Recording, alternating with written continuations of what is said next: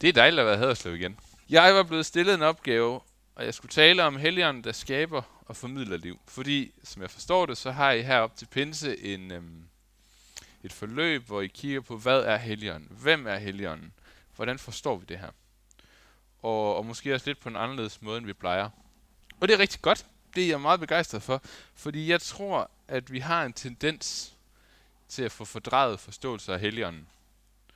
Fordi hvem eller hvad er egentlig helligånden? Det, det, det, helligånden er sådan en sjov øh, størrelse for os, som vi ikke altid kan gribe om. Jeg tror, der er... Øh, jeg, har, jeg har lidt en lang introduktion nu, og det er fordi, at der er nogle ting, jeg gerne lige vil have, vi skal have fat i, for at vi kan komme ind på det her tema. For jeg tror, der er to tilgange, som øh, vi ofte ser i kirken.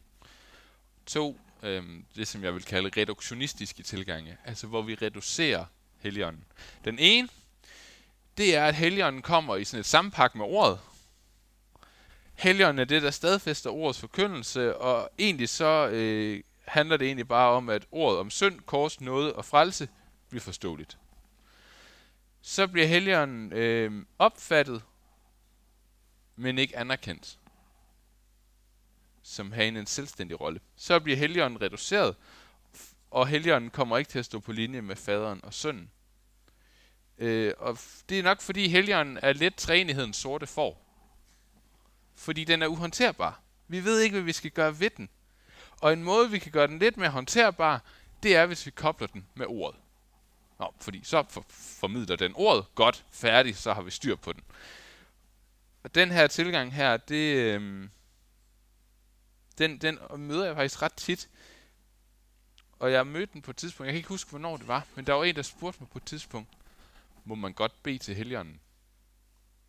Allerede der er der jo et eller andet, der er gået galt, fordi allerede der blev helgenen kørt ud på et sidespor i forhold til faderen og sønnen. Øhm, I en af de oldkirkelige bekendelser står der faktisk, at helgenen skal æres på samme måde, eller på, på lige måde som faderen og sønnen. Så den her øh, med at reducere helligånden i kraft af at koble den til ordet, det er noget, som vi finder i meget firkantede og gammeldags øh, missionske, frikirkelige kredse, også i nogle folkekirkelige kredse, øh, hvor et helligånden bliver, ikke rigtig passer ind. Den anden reduktionistiske grøft, det er den sensationelle. Det er den, hvor vi søger ånden for oplevelsens skyld. Det er den, hvor vi hvor ånden, den, den, den, vi får en eller anden instrumental forståelse af ånden.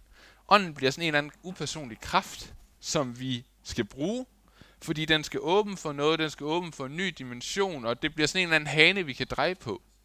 Og så skal vi bare have mere kraft, og vi skal have mere ånd, og, og, og, og, og det, bliver er frygteligt, fordi det, der drejer det sig også om kontrol, men på et andet plan, fordi det handler om, hvordan styrer vi helligånden, så når vi beder en bestemt bøn, og vi siger noget på en bestemt måde, så drejer vi på håndtaget, så kommer ånden, og, og, og, og vi gør nogle ting. Og det findes særligt i meget karismatiske miljøer, hvor ånden dyrkes så meget, at man også glemmer åndens selvstændige rolle. At man også glemmer det. Så der er altså to grøfter, hvor man dyrker ånden for lidt, og snæver åndens virke ind. Og så er der en anden en, hvor man dyrker ånden for meget, og på, øh, man kan ikke dyrke ånden for meget, men alligevel gør man, og så på en forvrænget måde. Øhm, begge dele er forkerte. Fordi begge tilgange har rigtige elementer i sig. Fordi ånden overviser om synd, ja, og ånden gør os i stand til at høre ordet, og ja, ånden uddeler nådegaver og giver profetiske budskaber, indsigter og oplevelser. Men vi må ikke forflade i ånden. Vi må ikke hvad sige, prøve at kontrollere ånden ved at sætte den i en af de her to kasser. Ved at gøre det ene eller det andet. Så, efter den her lange indledning, så vil jeg tage mit udgangspunkt i begyndelsen. Nemlig i det, vi kalder anden skabelsesberetning. Vi har to skabelsesberetninger i Bibelen. En i 1. Mosebog kapitel 1, en i 1. Mosebog kapitel 2. De øh, komplementerer hinanden, og den ene fortæller om skabelsen på en måde, og den anden på en anden måde, og det er sådan set rigtig godt. Vi skal ind i nummer 2. Vi skal ind i 1. Mosebog kapitel 2. Og vi skal se på, hvordan ånden hænger sammen med antropologien. Altså hvordan ånden hænger sammen med den måde, vi opfatter det at være menneske på. Eller hvad Bibelen lærer om det at være menneske på. Så. Første Mosebog, kapitel 2, vers 4b til 7. Der står sådan her. Dengang Gud Herren skabte jord og himmel, var der endnu ingen buske på jorden, og ingen planter var spiret frem. For Gud Herren havde ikke lavet det regne på jorden, og der var ingen mennesker til at dyrke af jorden. Men en kilde brød frem af jorden og vandede hele af jorden. Der formede Gud Herren mennesket af jord og blæste livsånde i hans næsebor, så mennesket blev et levende væsen. Gud former mennesket på samme måde som en pottemager former en lærkrukke. Uden liv. Altså mennesket har ikke noget liv i sig, da Gud han former det. Men dernæst så puster Gud sin livsånde ind i mennesket. Pottemageren gør altså den her potte levende. Den her lerting levende. Og øhm, teksten viser egentlig ikke noget specifikt om, om det er helgeren, der er på spil her. Det, øh, men, men må ikke, at helgeren er den her person i træenigheden, som sprudler og giver liv, så tror jeg, at Helligånden også er på spil her. Og det gør mennesket, den her beånding af mennesket, bepustning af mennesket er det næsten, gør mennesket til et særligt væsen. Gør mennesket til et særligt øh, øh menneske til et særligt væsen blandt dyrene. For mennesket er det eneste dyr, der får den her livsånde. Mennesket er det eneste, som på hebraisk bliver kaldt for et nefes chayar, altså en besjælet liv eller et levende liv. Derfor indtager mennesket en særlig betydning. Og hvad lærte det os om Helligånden? Jo, da man sådan i løbet af de første par hundreder skulle finde ud af det her med kristendom, hvordan i alverden er det nu lige, det fungerer, og hvordan får vi sat det her på formel, så mødtes man på forskellige kirkemøder. Og på et kirkemøde i Nikæa, i det der hedder, det ligger i det nuværende Tyrkiet, i 381, der byggede man videre på den apostolske trosbekendelse. Den kender vi alle sammen. Den siger vi i Folkekirken hver søndag, og vi siger den også i vores sammenhæng gang imellem, at vi tror på faderen, himmels og jordens skaber osv. Øhm, men den byggede man videre på, og det gjorde man med en sætning om, fordi i den apostolske trosbekendelse, der står der bare, og vi tror på Helligånden. Nå. Det, øh, øh igen, fordi Helligånden er uhåndterbar, så vi ved ikke, hvad vi skal gøre ved det. Og det gav alle mulige spekulationer. Så man byggede videre på, hvad er det egentlig Helligånden gør? Sagde man, vi tror på Helligånden, som er herre, som levende gør, som udgår fra faderen og sønnen, som tilbedes og æres til lige med faderen og sønnen. Altså helligånden er herre, og helligånden levende gør. Det er simpelthen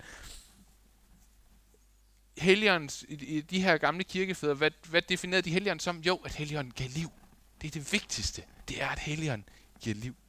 Og uden helligånden er liv simpelthen ikke muligt. Det er ligesom, uden ilt er det fysiske liv, det, det, det, det biologiske liv ikke muligt. Uden helligånden er det åndelige liv ikke muligt. Den er den, der sætter alting i gang. Den er alting, der, den, der, der skaber røre. Den, der skaber øh, bevægelse.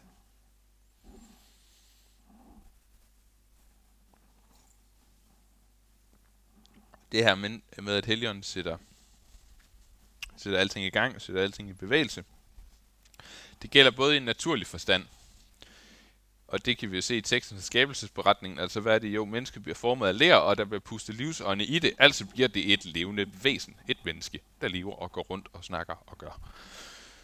Øhm, men også i åndelig forstand, så sætter Helligånden gang i tingene.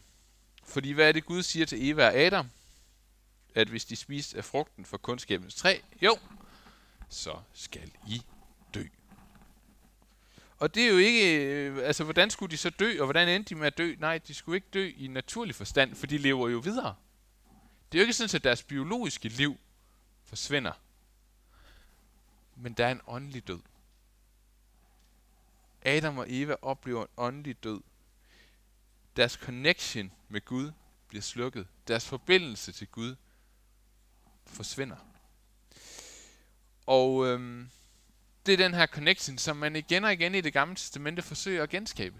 Hvordan er det, vi kan komme ind i det her forhold med Gud igen. Hvordan er vi kan få lov at mærke det her liv fra Gud igen. Hvordan er vi kan opleve at blive levende igen. Og øhm, derfor så søgte man Gud på alle mulige mærkelige måder, og man, man brugte de måder, man kendte, og Gud åbenbarede sig også nogle steder, men, men, men hele tiden var det flygtigt. Hvis I lægger mærke til, da israelitterne går igennem ørken, de går med telthelligdommen, med, med, med, med, med, det her, med det her telt, de stiller op, hvor Gud så viser sig. Men hvad er det, der sker? Jo, om morgenen eller nogle dage efter, så stiger, godt nok stiger Gud ned i teltboligen, men han stiger op igen, og de drager videre. Der, så kan det godt være, at det bliver bygget et tempel, ja, og det er sådan en halvblivende helligdom, men alligevel rent sådan religionshistorisk og, og, og, og, og tempelteknisk, så bliver det aldrig noget blivende sted for Gud. Guds nærvær, forbindelsen, bliver altid flygtig. Og, og, og det er det her glemt, man søger efter tidligere tiders nærvær af Gud. Tidligere tiders åndens liv, man forsøger at finde igen. Og det kan man så spørge sig selv, er det egentlig ikke også det, som vi som mennesker stadigvæk gør? Bare lige for os, øh, der er, vi er så gode til det, som øh, C.S. Lewis kalder kronologisk snopperi. Og, og jeg vil også nogle gange kalde det kristologisk snopperi. Altså vi står med vores Kristus, så kigger vi tilbage, og så siger vi, prøv at se, at alle de andre, de, øh, de havde ikke styr på det. Dengang, der var, der var det bare mærkeligt, og de, de søgte Gud på alverdens måde. Ja, men gør vi ikke det samme i dag? En tanke værd. Fordi vi ønsker det her nærvær af Gud. Men, det går jo hverken værre eller bedre, end at Gud, han lover, ifølge profeten Joel, så lover han noget. Joels bog, kapitel 3. Jeg læser hele kapitlet, det er kun fem vers, så det kan I godt holde til at høre. Det skal ske derefter. Jeg vil udgyde min ånd over alle mennesker.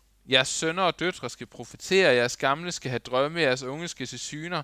Selv over jeres tralle og trallekvinder vil jeg udgive min ånd i de dage. Jeg sætter tegn på himlen og på jorden, blod og ild og røgsøjler. Solen forvandles til mørke og månen til blod, før Herrens store frygtelige dag kommer. Og enhver, som påkalder Herrens navn, skal frelses. For på Sions bjerg og Jerusalem skal der være redning, som Herren har sagt, for de undslupne, som Herren kalder på.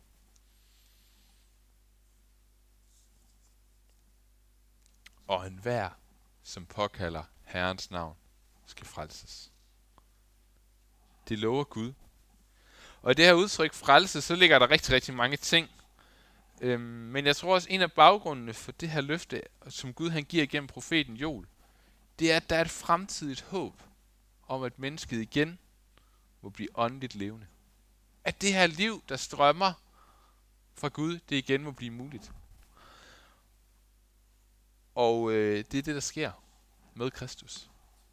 Med Kristus og hans død og hans opstandelse, så får mennesket igen mulighed for at blive gjort levende. Paulus skriver i Romerbrevet kapitel 6, Vi bliver i Kristus døde for synden, men levende for Gud i Kristus Jesus. Vi bliver døde for synden, men levende for Gud i Kristus. Altså mennesket bliver vækket til liv igen. Hvad er det, Jesus han siger i Johannes evangeliet kapitel 10? Vers 10. Tyven kommer for at røve og ødelægge og alt muligt. Men jeg er kommet for, at I skal have liv og have i overflod.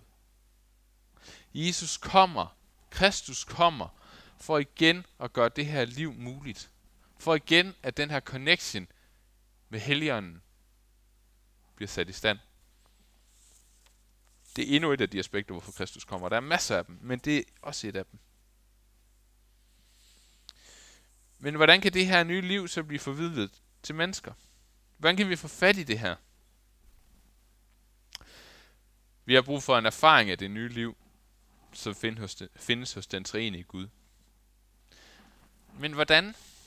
Jeg havde, jeg havde ikke et bedre udtryk for det, så det blev, hvordan trænger man ind i helgernes kreds? Eller treenighedens kreds? Hvordan kommer jeg der ind til fader, søn og ånd? I kirkens historie har man forstået det sådan, at øh, helligånden, det er den person i træenigheden, som vi møder først. således som i skabelsen. Hvad er det, der mennesket er en lærkrukke? Hvad er det første, det oplever? Jo, det er Guds ånd. Helligånden er det, vi møder først. Helligånden er så at sige Guds ansigt. Det ansigt, vi møder først, når vi bliver vendt imod Gud.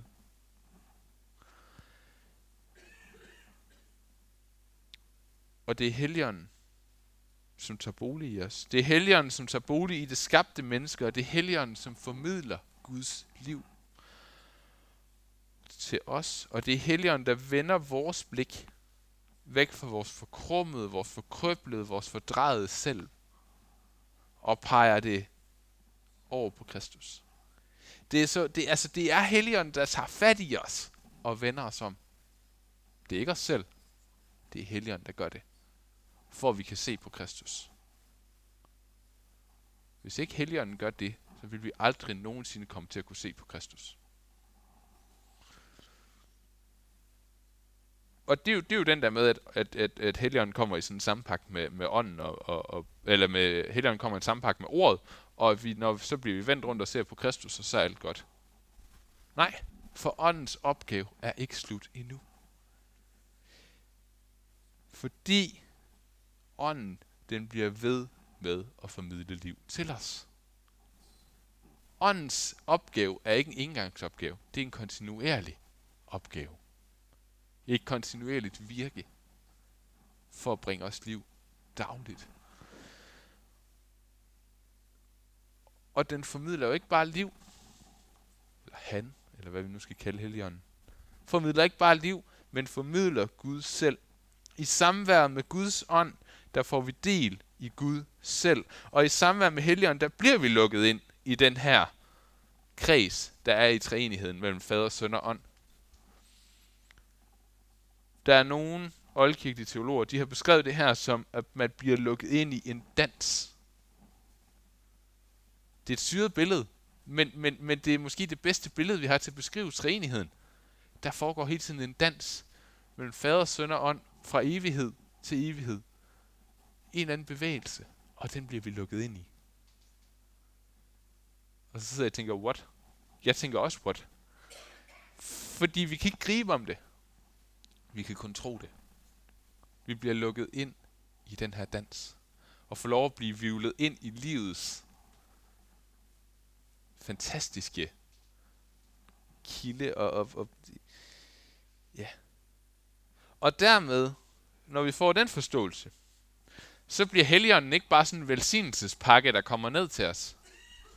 Så bliver Helligånden ikke bare øh, noget, der gør, at vi får det godt, og vi føler alt er vel, og ah, men det er bare dejligt.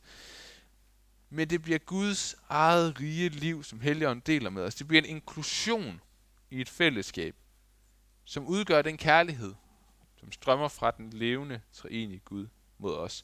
Og uden Helligånden, så vil det her aldrig blive formidlet til os uden treenighedens første ansigt, jamen så vil vi aldrig nogensinde møde frelsen og nåden i Kristus.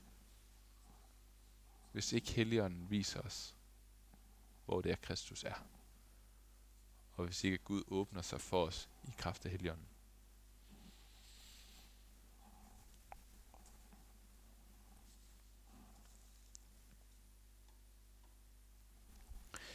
Dengang jeg gik i folkeskole, så sang man en sang, Blæsten kan man ikke få se, det er der ikke noget at gøre ved.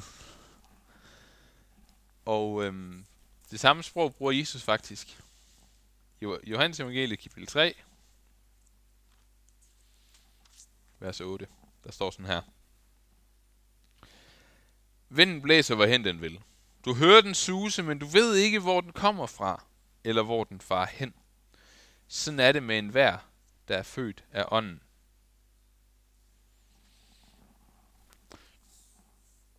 Jeg ved ikke, om I ved det.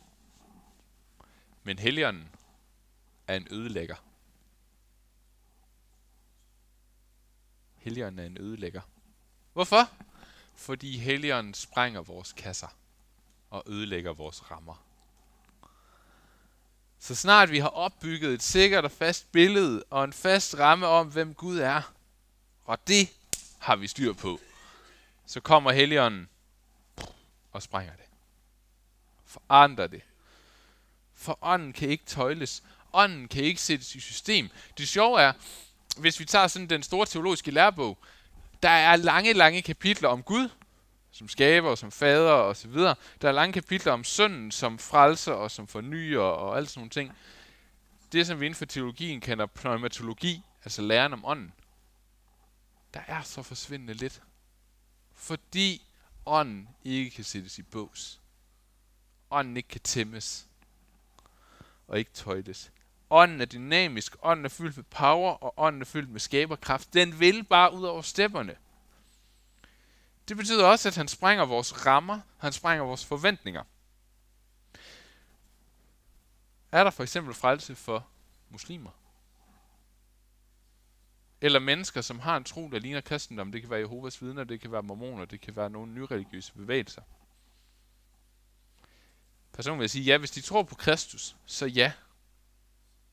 Men hvordan de gør det, og hvordan Kristus åbenbarer sig for dem, det er en anden sag. Fordi inden at vi får forhandlet kristne og kirkelige læresætninger færdige, og inden vi får fundet ud af at sætte gære op om, hvem der er med, og hvem der ikke er med, og hvem der i øvrigt er ude, og hvem der skal holdes ude, og hvem der skal inkluderes, og hvordan vi mener, at det her det hænger sammen, så er Helligånden allerede langt væk. For der er den ude over stepperne. Helligånden har ikke tid til at vente på, at vi får sat rammer op om, hvem der er med og ikke er med. I parentes bemærket, det her betyder ikke, at religi- re- hvad det, relationen til Kristus ikke har en betydning. For det har den. Det er ikke det, I skal høre mig sige. Men hvordan?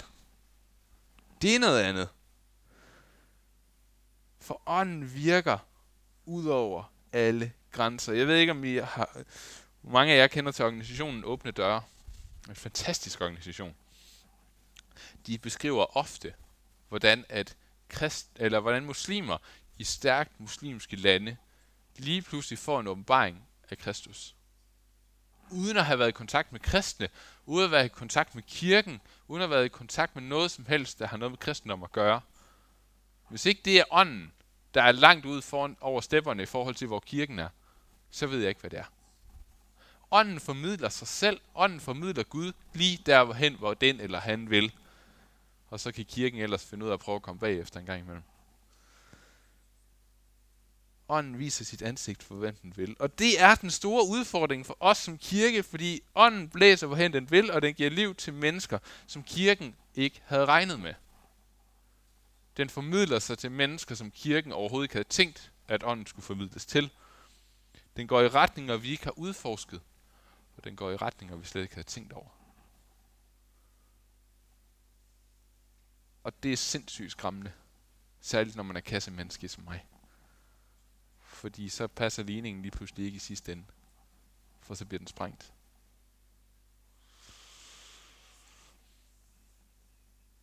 Jeg kan se, at, øh, at det kan man jo ikke undgå, når man kommer herind, at I som menighed er i gang med Vital. Og jeg er, synes, Vital er et spændende projekt, og øh, på rigtig mange måder. Og jeg kiggede bare lige Vital-folderen tilfældigt forleden dag, og der står, en af forudsætningerne er, at menigheden er hvad? Let af ånden. Her er en af forudsætninger, altså fornyelsesprocessen. Den her fornyelsesproces, som der kommer, hvis man laver vital, altså, at hvis man er let af ånden, så vil det ske. Helligånden, den giver liv. Helligånden giver liv til menigheden.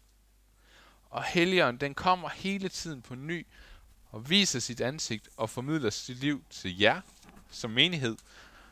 Både til jer som enkeltpersoner, men også til jer som menighed. Og Helligånden viser nye sider.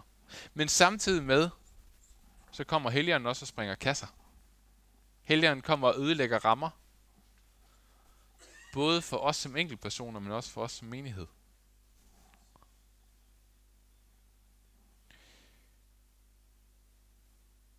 Hvor viser Helligånden Guds ansigt for dig? Og hvor ødelægger Helligånden de kasser, som du har sat Gud i? Og det gælder også jer som menighed. Hvor er det lige nu, Gud viser sit ansigt igennem Helligånden? Hvem er det, Helligånden ønsker at formidle liv til? Og hvad er det for nogle kasser, som I som menighed bliver udfordret til at ødelægge? Som I har sat op. derhjemme der, øh,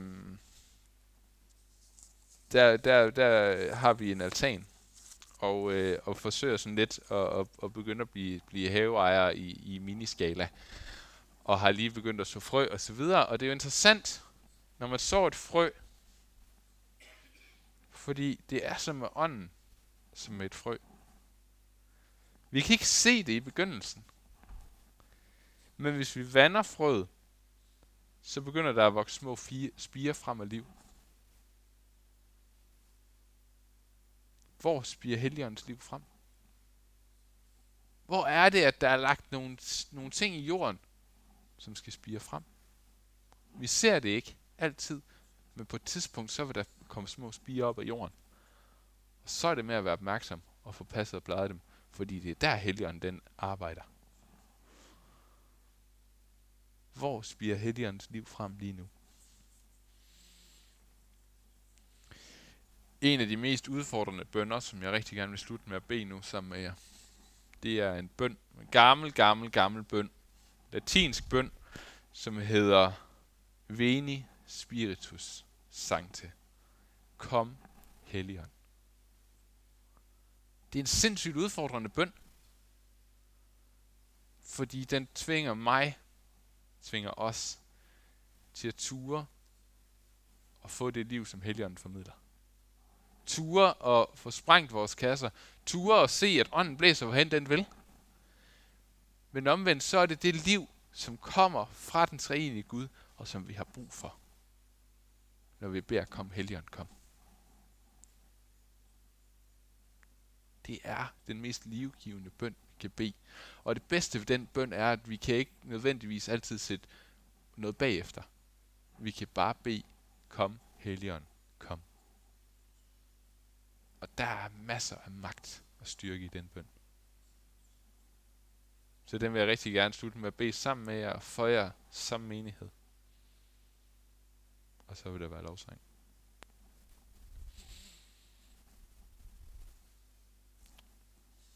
Kom, Helligånd. Kom du gode, livgivende frie, kasseødelæggende ånd. Kom og mød os lige der, hvor vi er. Kom og mød hver enkelt her, lige der, hvor vedkommende er. Kom og vis dit ansigt. Og kom og vis os, at du blæser derhen, hvor du vil. Og må den her menighed få lov at opleve, at du blæser dem i en retning, de ikke havde regnet med. Må du også åbne deres blik for, at du holder på med noget, som de slet ikke havde tænkt, at du havde gang i. Helligånd, kom og giv os liv. Kom og formidl relationen til den treenige Gud til os. Helligånd, vi har brug for dig. Vi har brug for dig, for ellers så kan vi intet. Så er vi døde, uden liv og uden energi. Jeg beder dig om, at den her menighed og de her mennesker helt konkret må få lov og kan pege på ting, hvor de oplever Helligåndens komme, Helligåndens virke og Helligåndens liv, der spiger frem må du velsigne dem, og må du velsigne hver enkelt her med alt godt fra dig, du gode og livgivende ånd. Amen.